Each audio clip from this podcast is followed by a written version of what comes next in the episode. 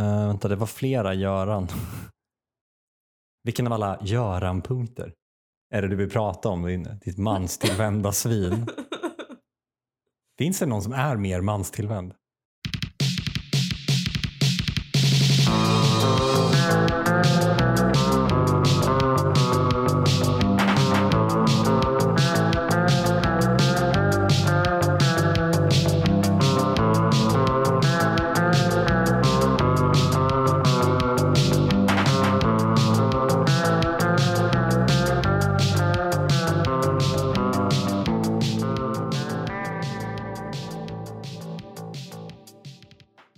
Buonasera, Kim Eklöf. Buonasera, Ellen Theander. Du sitter på golvet. Mm. Det är ytterligare ett led i min drömmiga personlighet. Jag bara är Julia Roberts i Eat, Pray, Love.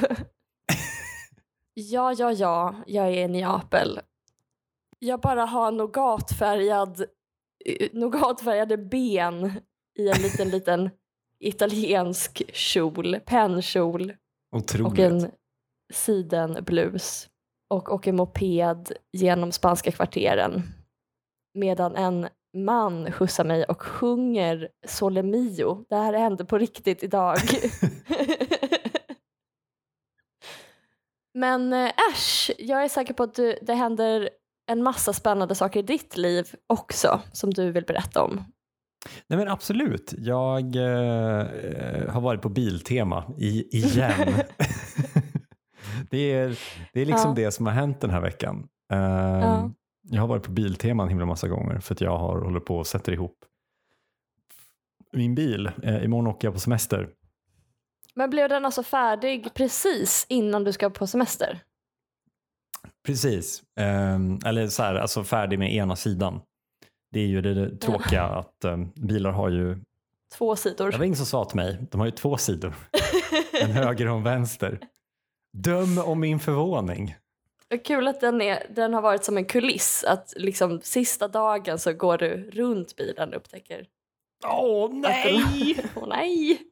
Järnspikar. nej men det, det har fått mig att reflektera över eh, alltså det här med smuts. Ja.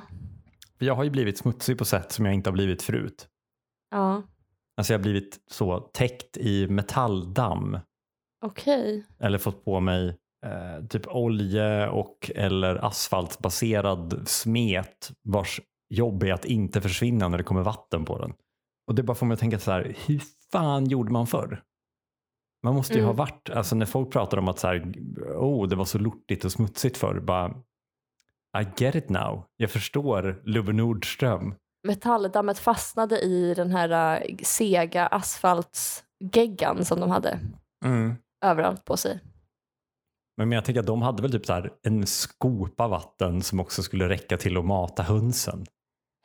Eller något. skulle räcka till hela kvarteret? Ja men typ som de skickade runt.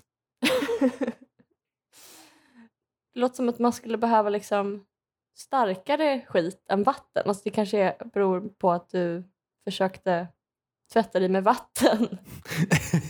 Men jag har stått med sån här hård tvål och kalanka gnuggat så ja. det har blivit liksom ett stort lödder. Ja. Jag missar ju aldrig en sekund och äsch, vi är en hårdtvårdsfamilj. Inget tyder på, tyder på högskolepoäng som att använda hårdtvål.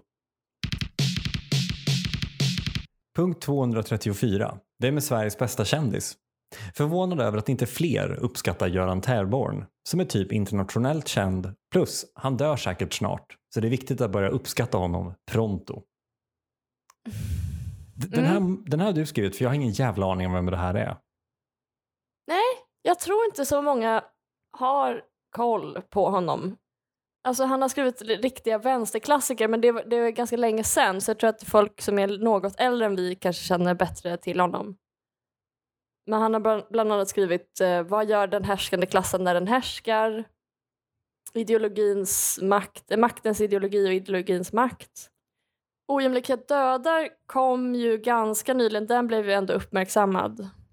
Mm. Det står så här på hans Wikipedia-sida. Göran Tärborn född 23 september 1941 i Kalmar. är en svensk professor i sociologi vid universitetet i Cambridge. Han är bland de mest citerade samtida marxistiska sociologerna Hmm. i världen alltså. Sjukt att ha det som Wikipedia-beskrivning. Ja, Alltså, hur skulle du sammanfatta den här personen? Men han är bäst. ja. han har skrivit, skrivit i tidskrift som New Left Review. Det var också han som, som ledde utredningen Klass i Sverige, om du eh, känner till, som Katalys gjorde. Mm, mm. som av en händelse så var jag inne på New Left Review just och scrollade lite Som man gör. som man gör när man har en podd. Mm. Och eh, då hittade jag en, en artikel av Göran Terborn och hör och häpna så har alltså Göran Terborn helt i det fördolda ägt Thomas Piketty Oj. i den här artikeln. Jag ska försöka återge bara vad han säger Mm. Och sen hoppas jag att det leder till att han får den uppskattning eh, och berömmelse han förtjänar. Thomas Piketty har då, han är en av eh, redaktörerna för en bok som heter Clivage politique et inégalité sociale. Politiska klyftor och eh, social ojämlikhet ungefär, antar jag. Jag vet inte, jag tror att folk känner till det, men Thomas Piketty pratar ofta om olika eli- att det finns multipla, flera eliter. Mm. Eh, Så utöver den ekonomiska eliten som eh, han menar på nu för tiden är mer lågutbildad, att det finns en merchant rights så att säga, en, eh, en klass som har högt ekonomiskt men lågt kulturellt kapital eller låg utbildning. Mm. Och å andra sidan så finns det en Brahmin left som är högt utbildad och har högt kulturellt kapital och som också röstar vänster men som då inte har samma ekonomiska kapital. Mm. Han menar ju då att arbetarklassen har slutat rösta vänster. Arbetarklassen röstar höger i högre utsträckning. Mm. Och att rösta vänster har blivit ett beteende som är kännetecknande för den här eliten, den Brahmin left-eliten. Mm. Och det här skriver då Göran Terborn, det låter ju bara lite kul, han skriver The new system for opaque mathematical reasons classified as one of multiple elites therefore harbors two distinct elites. alltså, det är oklara, eh, av oklara matematiska skäl så kallas de här två eliterna för flera, eh, mu- multiple, multipla eliter. Det här understryks flera gånger i boken eh, som om det var en tendens av väldigt stor betydelse. Men ingen av dess komponenter, vare sig dess multipleness, dess elitkaraktär eller dess systematik klargörs. Och så skriver Göran Terborn The change in the political coloration of educational background has been a long time coming, beginning in at least the second half of the 1960s and reaching its global average tipping point in the 1990s. Låginkomsttagares preferens för vänster om centerpartier är relativt stabil Mm. förutom i USA och eh, Storbritannien. I presidentvalen 2016 och 2020 vann den demokratiska kandidaten både the, the bottom half, den nedre halvan och topp 10 procent av inkomsttagarna. 2016 vann Trump 40, de liksom mitten 40 procenten som, i, som 2020 delade sitt stöd lika. I det brittiska valet 2019 föredrog låginkomsttagare konserva, de konservativa framför Labour Mm. med 45 till 30 procent. Tories fick något mer stöd från låg än från höginkomsttagare, 45 till 40 procent, medan Labour, Labours eh, stödet var lika eh, svagt i, i båda inkomstkategorier. I Frankrike, Tyskland och Italien däremot är låginkomsttagares lutning åt vänster starkare nu än i, på 1950-talet. Sen så säger han också att, att uh, Piketty definierar hög och låg utbildning på ett speciellt sätt där hög betyder de högst utbildade 10 procenten i befolkningen och låg betyder resterande 90 procent. Mm. Vad man menar då, vad Piketty menar med lågutbildad merchant right är i själva verket bara då i rika länder att de har lägre grad av PhDs, masterutbildade och graduate students.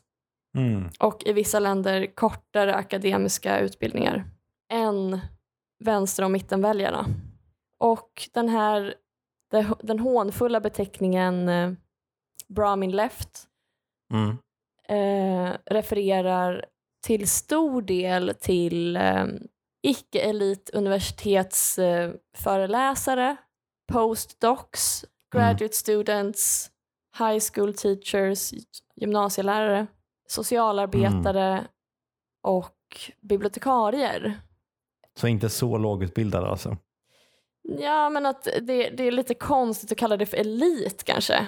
Att man har en postdoc, mm. alltså, eller att man är bibliotekarie. Alltså, om, man nu, om man nu ska argumentera för att det här är en så otroligt stor betydelsefull utveckling som Piketty om och om igen vill göra gällande, då kanske det ska vara en, antingen mm. en tydligare tendens, alltså att det inte handlar om så 40 respektive 45 procent av väljarna, eller att det inte bara är så något fler med PhDs som röstar vänster, eller mm. något fler bibliotekarier, för bibliotekarier Alltså det är nästan ett, ett självskadebeteende att vara bibliotekarie för att du har den längsta utbildningen för lägst lön och kommer förmodligen aldrig kunna betala tillbaka dina CSN-lån till exempel i Sverige.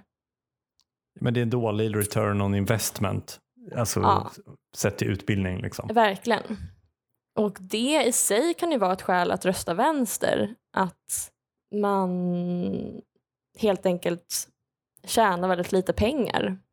Mm. Eh, och det är väl egentligen den eliten som spelar roll. Mm. Vem har makt, vem har pengar? Mm. Eh, inte vem är bibliotekarie? Men vad är det Piketty säger är problemet med att de här Nej, jag, tror inte, jag vet inte om han säger att det är ett problem. Han bara observerar att det finns att det är en sån tendens och att kanske han menar att vänsterpartierna har tappat sin väljarbas eller tappat kontakten med arbetarklassen mm. ungefär. För jag menar, det låter ju bara som en naturlig, alltså så här, åh, det är inte så många grundgrävare och eh, flickor med svavelstickor som röstar på Vänsterpartiet längre. Så bara, nej, det är väl bra. ja, exakt. Exakt. Nej, men och sen dessutom så räknar han in gröna partier Piketty mm. alltså. Mm, alltså i vänstern? I vänstern. Och det tycker jag med all, alltså att Göran Terborn har ju rätt i det att gröna partier är ju inte vänster. I, oh, alltså, I många länder är de ju inte alls vänster eller det är någon slags mittenparti eller ofta liberaler eller mm. tar liksom aktivt avstånd ifrån höger-vänsterskalan överhuvudtaget. Alltså gud vad man ogillar dem. Ja. som gör det? Alltså är det för att man är, är, det för att man är en boomer som inte bryr sig om klimatet? Eller är det för att man bara, alltså? Nej, det är väl inte. att man vill att klimatet ska lösas eh, genom kommunism. I mitt fall i alla fall. ja, men lite så. Det är, ju, det är, inte apo, det är ingen apolitisk det... fråga som gröna partier vill göra gällande. Nej, nej, det är ju ganska, ja, på det sättet är det ju ganska roligt att så här, skitsam vem som äger allting. Bara vi är snälla. Ja. Skala ned, nedväxt och så vidare. Man bara, det kanske du har råd med. Men eh, nej tack, jag, jag vill gärna ha pengar och offentliga investeringar. och, och mat. Så ja, det Göran Tärborn menar var anledningen till att den, det här så kallade Brahmin Left, att deras sympatier är hos vänstern har kanske snarare att göra med expansionen av högre utbildning och sociala yrken överhuvudtaget. Mm. Och från eh, 1968 The political upheavals of university systems in the late 1960s and early 70s which left an enduring cultural legacy including a number of new or refounded left parties.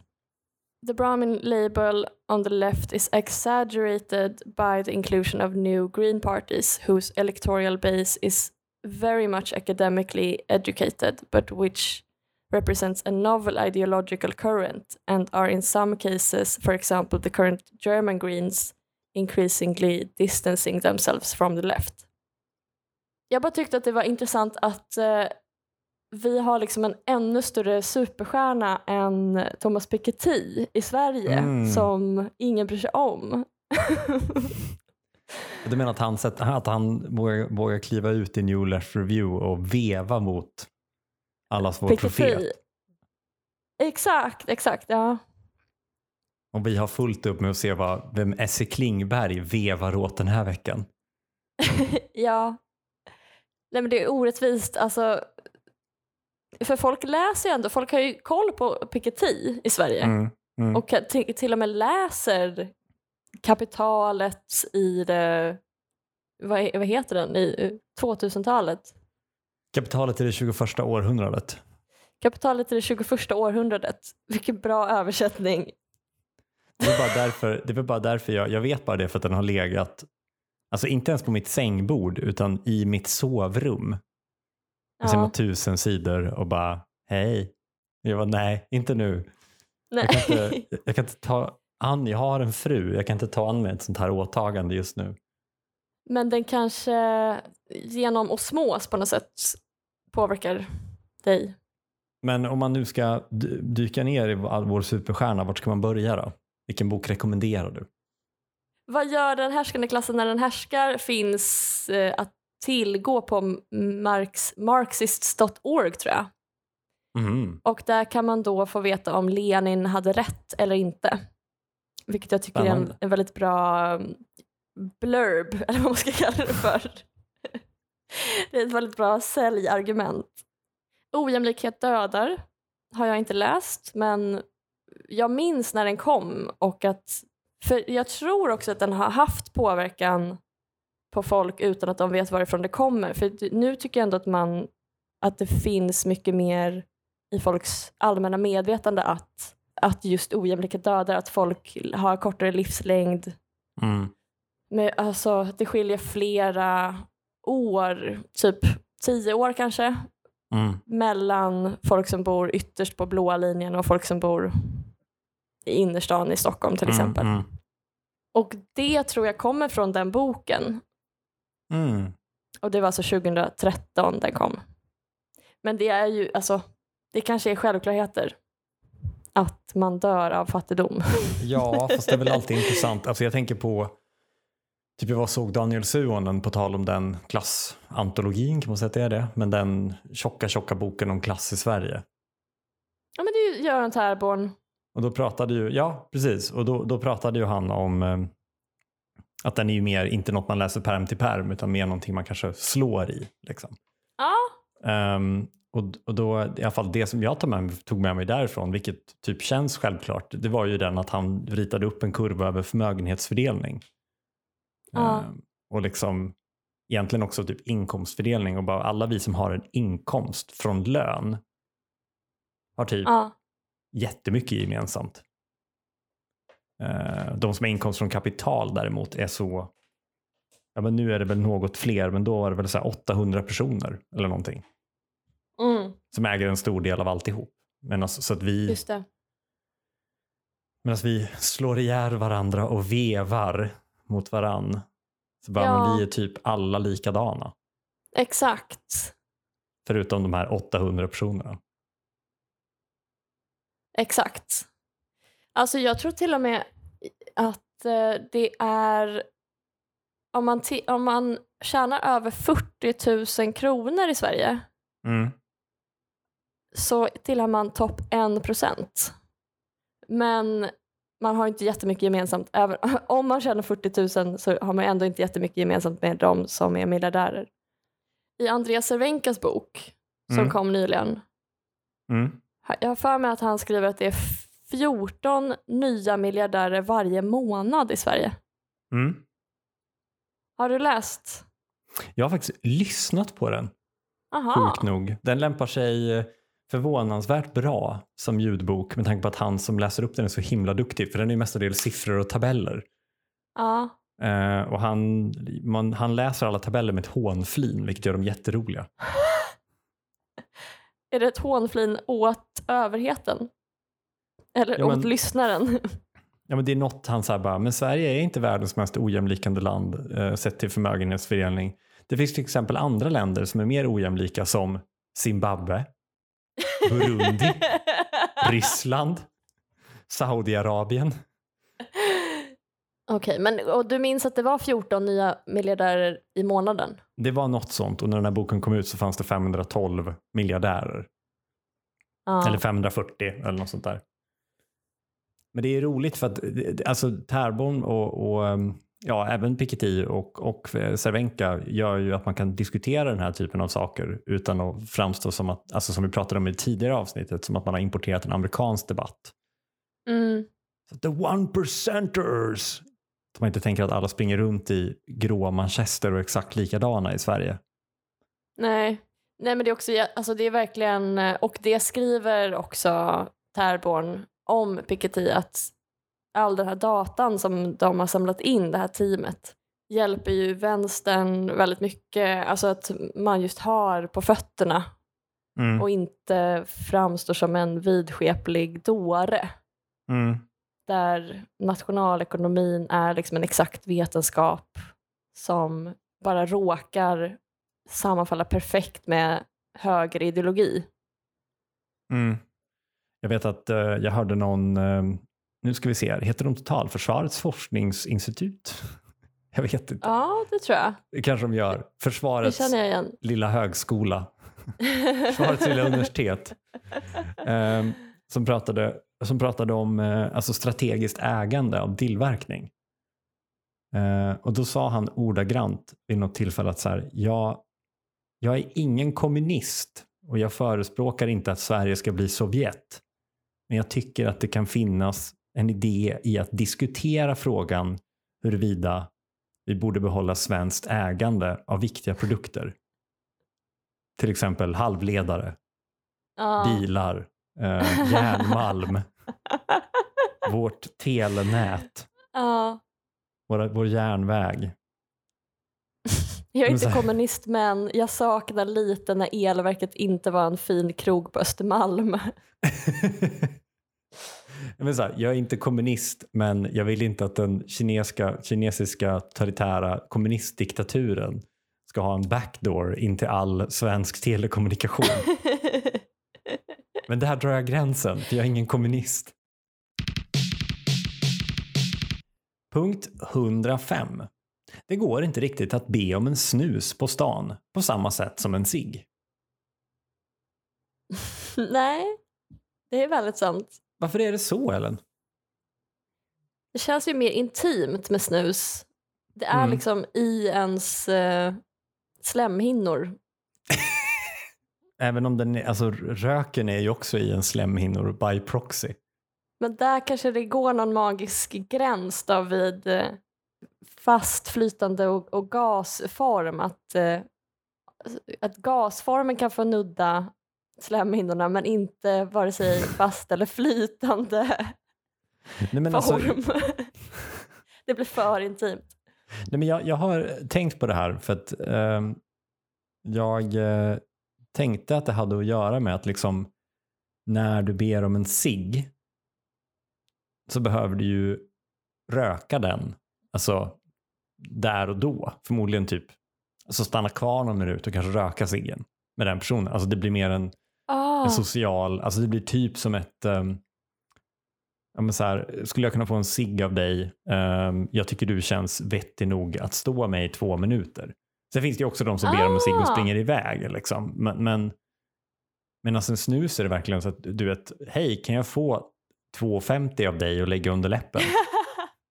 Ja. ja, gud vad sant. Ja, men, så här resonerade jag. Ehm, men sen så sa jag det här till Linnea och då sa hon, då bara, du, du tror inte det är för att man inte ser alltså, att någon står och snusar? Ah, åh nej, just det. Att det är inte riktigt så, man är ute och går en kväll och så i, under gatlyktan bakom en teater står någon och snusar. Tjena grabben! Ska du ha en, ska du ha en prilla? ja, just det. För om någon stod på stan och snusade liksom synligt så kanske man inte skulle vilja gå fram till det. Springer ut. Någon Från restaurangen. Ska droppar brun saliv. Det är någon med en enorm brun snusfläck på, bröst, eh, eh, på, på bröstet. Nej, men för jag, jag, på En bröstskjortan. haklapp. En haklapp av snus. Nej, men jag har tänkt på det, för jag ber ändå folk på krogen om snus. Men där har ju folk som sitter och dricker öl, lägger ju sin snusdosa på bordet. Man ser ju att de har snus. Just det. Det är en annan intressant fråga om varför människor som... Alltså jag gör ju också det när jag sätter mig för att ta en öl på en krog. Att jag smäller ner, köper en öl, smäller ner den på bordet, tar upp snusen, smäller upp den bredvid. Man inreder lite, alltså man gör det hemtrevligt. Ja, men typ, man sätter upp en liten kommandocentral med allt man behöver. ja, just det. Så, Mm. Telefonen direkt på bordet, på den snusdosan. Mm. Men inte ciggen. Det känns lite mer vulgärt av någon anledning. Nu gör ju det. Alltså för att, för att Mm. nu, om du lägger ciggen på bordet på en uteservering. Mm. Jag lovar att någon skulle komma fram och säga att du får inte röka här, även fast man inte röker. Mm. Det är för övrigt det svenskaste vi har. Att nu när det är rökförbud på utserveringarna så går folk till andra sidan gatan och står. Men jag tycker att det funkar förvånansvärt bra för man orkar absolut inte gå två steg. Alltså för att man också har såna rökarlungor. Så att man bara blir för andfådd för att gå till andra sidan gatan. Du tänker att, att, du tänker att det verkligen har minskat rökandet? Jag tror det. Och man, alltså, man måste ställa till med en hel scen. Alltså, det blir verkligen som att man, man ställer sig inför en liten publik. Mm. Ja, men jag undrar var, var gränsen egentligen gick exakt. För det känns som att gränsen gick exakt där. När man inte fick röka på uteserveringar. Mm. Då blev det för mycket av en hassle att ta Mm. en cigg. Och då Mm. var det inte värt det längre. Du tänker, att man kan, du tänker att man kan ta det här vidare, alltså om man vill minska rökandet mer? Du får röka men bara i Norrtälje. Där gör vi en jättestor rökruta. Man får bara röka på SIG-festivalen som är en gång per år i Närke. Ja. Eller bara, du får röka men du får, måste vara tre meter från en annan rökare. Hade det funkat? Oj, den är bra. Det är på seriöst ett riktigt bra förslag att man får röka men inte i grupp. Men då måste man ju göra det alltså, så att man behöver skrika. Jag tänker att det är så här sju och en halv meter. Då går det ju fortfarande att röka med sina kompisar. Men någon kommer behöva stå i Mm. mitten och upprepa det personen till vänster har sagt till personen längst till höger. ja, precis. Man får bilda liksom en kedja för viskleken mellan två rökare. Exakt. Och bara är alla andra på baren måste följa med ut så att man kan prata med den andra rökaren. Man kanske kan ha sån här burktelefon. Men då kommer staten. Man får inte röka med burktelefon. Kanske man övar upp sina eh, rökringsförmågor, att man gör såna Gandalf-rökfigurer, att man kan kommunicera då på något sätt. Mm. Ja, eller röksignaler. Finns det ett etablerat rökspråk? Alltså förutom typ har du eld, vilket jag har förstått betyder vill du knulla. Jaha. Men annars, alltså är det är röksignaler, finns det, kan man säga flera saker med röksignaler eller är det bara fara typ? Men är det inte som typ morse? Är det det? Nej, jag vet inte. Så det blir som puffar av rök? Så var det i Kalanka i alla fall. Ah, Okej. Okej, nu ska vi se här. Röksignaler, in på Wikipedia. Man täcker en brasa med en filt och, och snabbt drar bort den, då skapar man en rökpuff. Med lite Mm. träning kan man styra rökpuffarnas storlek, form och timing. Tornen på kinesiska muren är till exempel signaleringsstationer för röksignaler. Så då kunde man skicka kommunikation längs med kinesiska muren. Ja, det är så himla häftigt. Dåtidens internet. Men för där trodde jag bara att det var att man, om man tände en eld så skulle nästa person tända sin eld och så vidare. Om det kom liksom ett, en angripare. Men då var det alltså ä- även för kommunikation, mer komplicerad kommunikation. Det stod, står här att det inte användes för så komplicerad kommunikation, att- för att det fanns ingen standard. Någonting vi kom överens om innan vad olika röksignaler betydde. Ja, nej. Man var tvungen att bestämma det med röksignaler. Det står också att det finns två kända typer av modern eh, röksignalanvändning. Den ena är då militär i form av rökburkar som utger olika former av färger för att signalera saker. Annars så är det i samband med konklaven, alltså valet av ny påve i Vatikanen. Just det.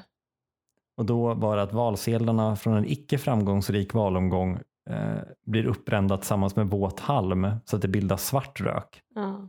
Men är det framgångsrikt så blir valsedlarna uppeldade tillsammans med torr halm och då blir det vit rök. Mm.